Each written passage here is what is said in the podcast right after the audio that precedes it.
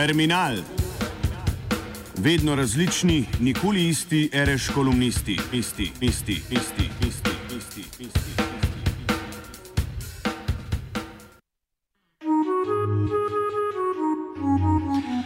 Vpliv financ na politiko in družbo je posledica njihovega položaja v gospodarstvu. Zaradi težnjah koncentracij in centralizacij v dolžniškem sistemu so vsi deležniki v, dru v družbi, države, podjetja in gospodinstva vse bolj odvisni od finančnih institucij. Da bi državljanom olajšali sodelovanje pri opredelitvi namena financ ter oblikovanju pravil za njihovo delovanje in nadzor, se je treba najprej zavedati treh težav: njihove kompleksnosti, nepreglednosti in našega nerazumevanja.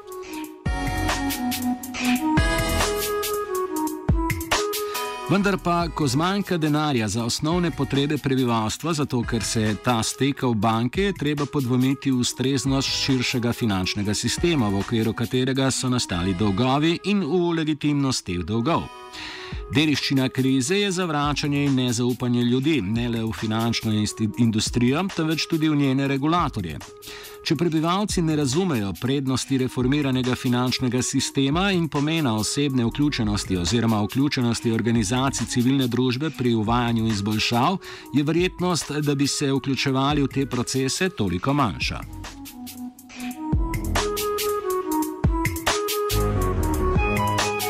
V Evropski uniji deluje okoli 7000 finančnih institucij, ki so od leta 2014 naprej upravljale s 34 trilijoni evrov v celotnih sredstvih. To znaša 235 odstotkov BDP Evropske unije. Finančna kriza je zgolj zaostrila ta problem. V 2009 je Mario Draghi naznanil, da so, citiramo, zaradi s krizo povezanih združitev številne banke postale še večje, ne manjše.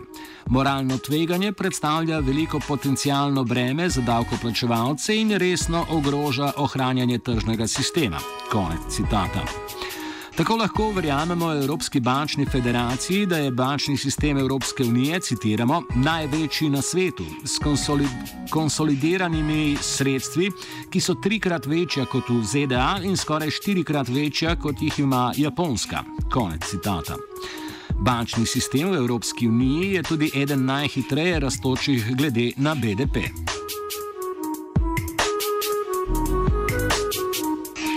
Vprašanje velikosti bank se je sicer že pojavilo kot problematično, vendar je v političnih razpravah zamrla ideja po njihovi decentralizaciji, razdrobitvi bank.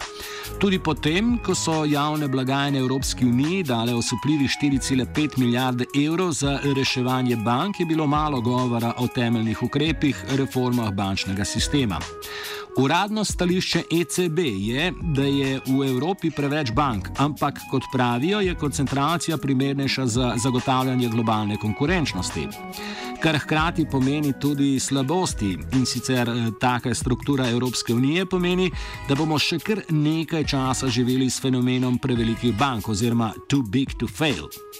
Drug razlog pa je tudi v moči lobiranja finančnih družb. Ti lobiji so v državah članicah Evropske unije sposobni zamajati ali celo zamenjati vlade in pri svojem lobiranju vključno vplivati na odločevalce v Bruslju. Vojska lobistov v Bruslju, kot je pokazalo poročilo Corporate European Observatory, za katero finančna industrija letno porabi več kot 120 milijonov evrov in zaposluje več kot 1700 ljudi, da bi vplivala na oblikovanje politike Evropske unije. Korporativno lobiranje in tako agresivno vključevanje deležnikov, ki dajo prednost korporativnim interesom, bistveno izničita zakonodajni postopek.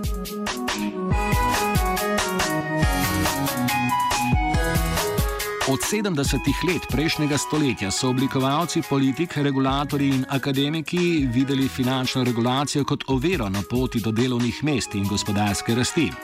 Dokazi kažejo, da se je s sprejetjem finančne deregulacije od 70-ih dalje močno povečal dobiček finančnega sektorja v primerjavi s povojnim obdobjem. Hkrati pa lahko opazimo, da je prišlo do ogromne rasti neproduktivnega in špekulativnega posojanja, zlasti nepremičninskega in finančnega trgovanja ter okoljsko škodljivih dejavnosti. Če je kaj, je deregulacija pripomogla k temu, da se je gospodarstvo iz povojnega razcveta zlomilo.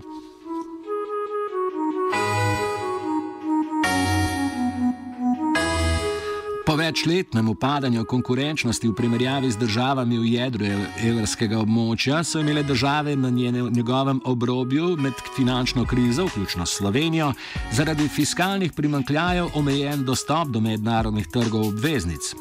Državam na obrobju je grozila plačilna nesposobnost, ta pa je ogrožala evropske banke, ki so bile med večjimi posojilodajalci.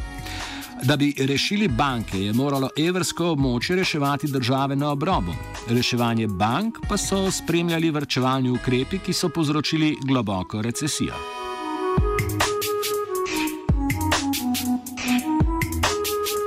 Pri reševanju dožniške krize v evrskem območju sta Evropska centralna banka in Evropska komisija odigrali ključno vlogo. Zahtevana privatizacija in prestrukturiranje bančnega sistema sta bili temeljni usmeritvi povezani z javnim dolgom. Vendar pa vlada sprejete ukrepe lahko izvaja le, če za to obstaja pravna podlaga. Zato je v času krize prišlo do kar nekaj regulativnih sprememb in reform.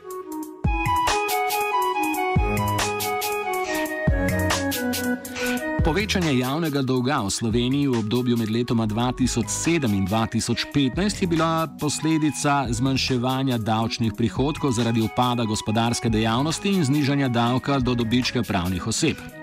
Hkrati pa je dolg naraščal tudi zaradi rasti socialnih izdatkov, ki jo je sprožila kriza. Nedavna rast javnega primankljaja in prestrukturiranje bančnega sistema pa sta bila največja vzroka za trenutno stanje javnega dolga. Ko je leta 2004 Slovenija vstopila v Evropsko unijo in leta 2007 v evrsko območje, so finančni trgi znižali cene posojil in preplavili naše kapitalske trge. Posledica novih posojil po nizki ceni je bil globoko zadolžen gospodarski sektor. Dolg, ki je nastal v korporativnem in bančnem sektorju, skratka zasebni dolg, je končal na plečih prebivalcev in obremenil javni denar.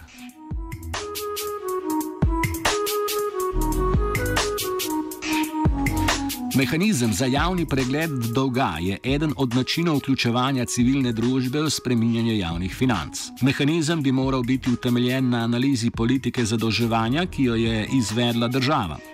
Politična vloga revizije je vezana na dve osnovni zahtevi. Preglednost in demokratičen nadzor države strani njenih prebivalcev. Pardon, preglednost in demokratičen nadzor države strani njenih prebivalcev. Pri preglednosti postopka zadolževanja pa ne gre le za demokratizacijo znanja in mobilizacijo družbe, temveč tudi za krepitev družbene participacije za gospodarski model, ki je pravičnejši in ima več posluha za človekove pravice in okolje.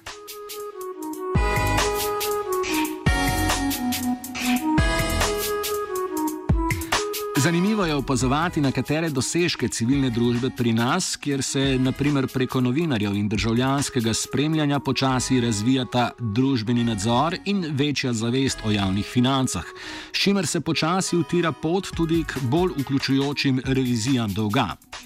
Avtori prve državljanske revizije so bili Franček Drenovec, Maja Breznik in Sašo Forlan leta 2015. Svojo analizo, rezultate in zaključke o slovenskem javnem dolgu so predstavili v knjigi Javni dolg: Kdo komu dolguje.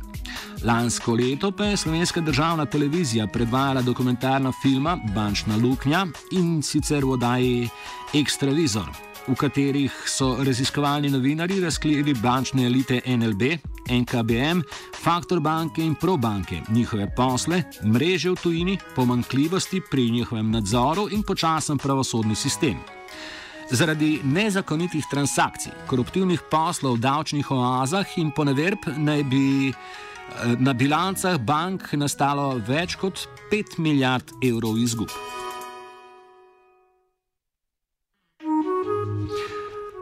Tako so bile podane osnove za državljansko revizijo javnega dolga. Organizacije civilne družbe pa bi jih morale izkoristiti za mobilizacijo državljanov in pridobljenega znanja za finančno preglednost in odgovornost institucij ter zahtevati zavrnitev dolgov, ki so jih državljani prepoznali kot neupravičene.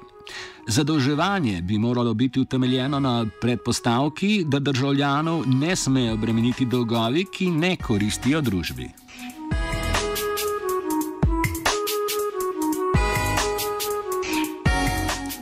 Terminal je pripravila Aida Pistotnik.